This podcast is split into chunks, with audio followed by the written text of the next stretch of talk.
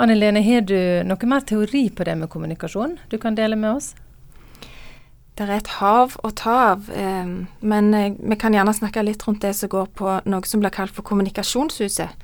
Hvis vi ser for oss et, eh, et vanlig hus med en kjeller i, så sier vi at i den kjelleren, der skal vi være minst mulig, for i kjelleren der bor kritikken. Og så kan vi se for oss at vi går etasjer opp gjennom i huset da, og så ser for deg eh, den første etasjen, så er det mer den der på hils, den der hei hei, og så er vi på informasjon type kan du sende saltet når vi sitter og spiser middag? Og så går vi liksom disse trappetrinnene opp igjennom til at vi deler tanker, vi deler ideer, meninger. Mm. Kommer vi enda tettere på eller høyere opp, så deler vi følelser og er åpne med hverandre og ærlige og, og drømmer sammen. Og dette kommunikasjonshuset det snakker vi en del om i familieterapi inn mot voksne, men jeg tenker jo at dette gjelder, dette gjelder jo for ungene òg. For vi kan legge veldig godt til rette for å gi ungene tid til å sette ord på, på det viktigste, for å sette ord på følelsene sine, hva de tenker og mener. Og vi kan vise dem enormt mye respekt for meningene deres med å lytte aktivt til det de sier. Du, du snakker jo om at vi må bli nysgjerrig, være nysgjerrig på ungene våre. Mm. Hva tenker du på? Jo, jeg tenker at det er kjempeviktig at du og meg er nysgjerrige på å bli kjent med ungene våre og holde kontakt med dem i forhold til hvordan de har det og hva de tenker på. Eh, for hvis vi slutter å være nysgjerrige, da er det faktisk sånn at ofte så slutter vi òg å stille gode spørsmål. Mm. Så jeg eh, syns det har vært en god måte å tenke på at jeg skal bruke spørsmål i møte med ungene for å hjelpe dem til å reflektere over ting. Spør de hva tenker du nå når situasjonen er sånn, eller stille spørsmål som gjør at de kan få lov til å fortelle litt mer om, ja, om hverdagen sin, at de kan reflektere, ta oss inn i tankene og følelsene sine.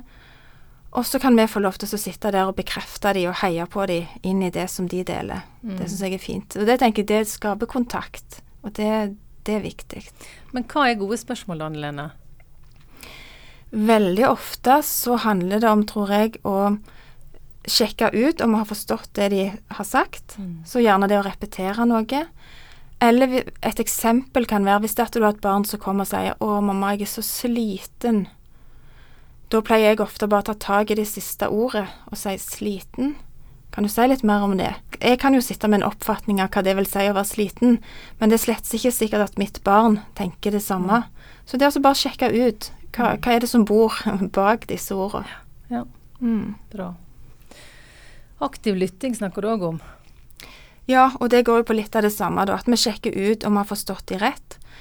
Og òg det som går på å våge å være i den situasjonen så lenge som barnet trenger det. For av og til kan det faktisk være litt ubehagelig for oss voksne òg å være i det vanskelige.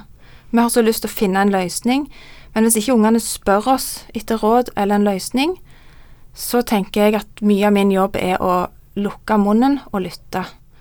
Um, Det er ikke så lett. Nei, det er ikke lett. Det er veldig fort for oss å avbryte fordi at vi tror vi har en løsning. Mm.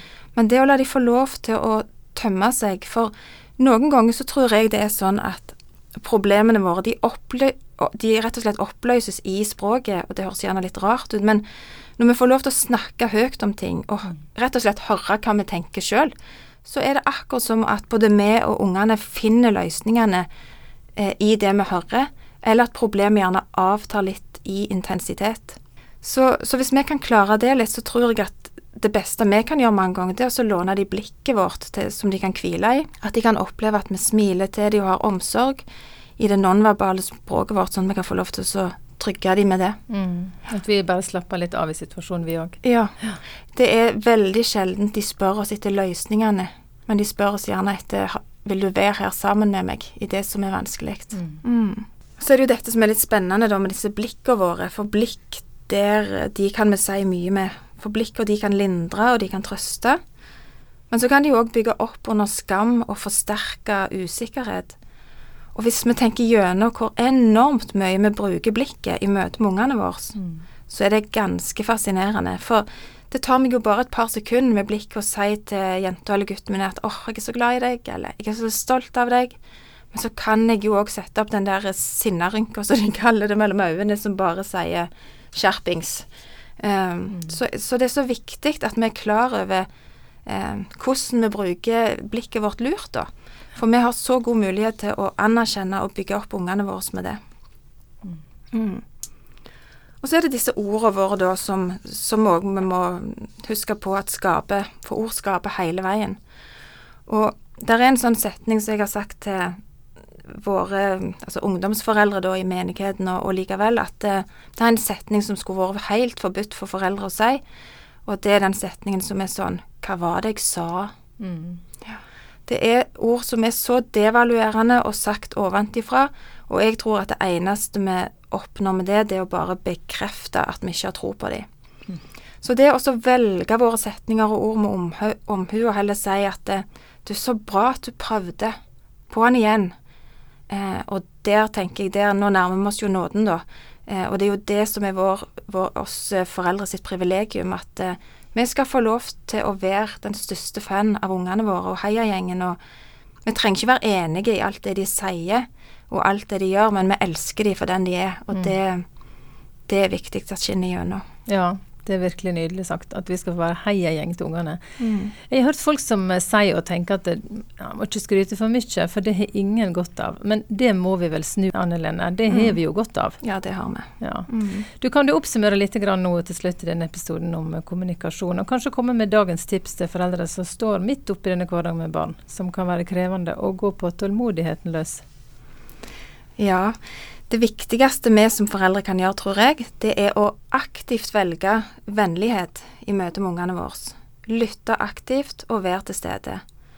Det står i Bibelen at vennlige ord er som dryppende honning, søte for sjelen og sunne for kroppen, og det tror jeg er sant. Mm. Vennlige ord og vennlige blikk, de kan leke så enormt, og de kan reise opp et barn, rett og slett. Og det å bekrefte de og hjelpe de til å få en sunn selvfølelse. Så opp med det gode, og slutt med det som ikke virker. Hvis du hører deg sjøl si 'hvor mange ganger har jeg ikke sagt at', det er en kjempehjelpsom setning. For det betyr at du holder på med noe som ikke virker. Mm. Så da er det det å finne en ny løsning. Og så er det òg viktig, syns jeg, at vi tenker på hvor lenge vi faktisk påvirker ungene våre. Og nå er jo du og meg i den situasjonen at de, de er på vei til å bli ganske store.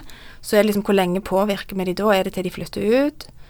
Og så er det nei, det er faktisk ikke det. Og det er heller ikke Vi påvirker de ikke bare til vi dør, men vi påvirker de helt til de dør sjøl. Så gjennom hele livet sitt så bærer jo de med seg ordene våre, de følelsene som ordene har skapt, og opplevelsene det har skapt. Mm. Så da tenker jeg det er jo et privilegium for oss at vi kan få lov til å velge å si det som er bra, og det som bygger opp, gjennom ordene våre og blikket vårt. Eh, sånn at de kan få lov til å få gode ting å bære med seg i ryggsekken som de kan varme seg på og hvile i seinere. Mm. Og når det er sagt, så er det jo òg viktig at vi er nådige med oss sjøl, for hvem er det vel som ikke har bomma på dette? Mm. Det, gjør vi, det gjør vi jevnt og trutt, så, så, der må vi være rause med oss sjøl. Men, men, OK, vi, vi, reiser oss igjen, og så går vi videre på dette, og så prøver vi en gang til. Og så lenge vi er i kontakt med ungene og sier noe om at 'Unnskyld, kan du tilgi meg, dette var ikke greit', mm. så er det utrolig hva ungene kan, kan uh, ta imot oss på. Så ja, gode ord og gode blikk, det er viktig.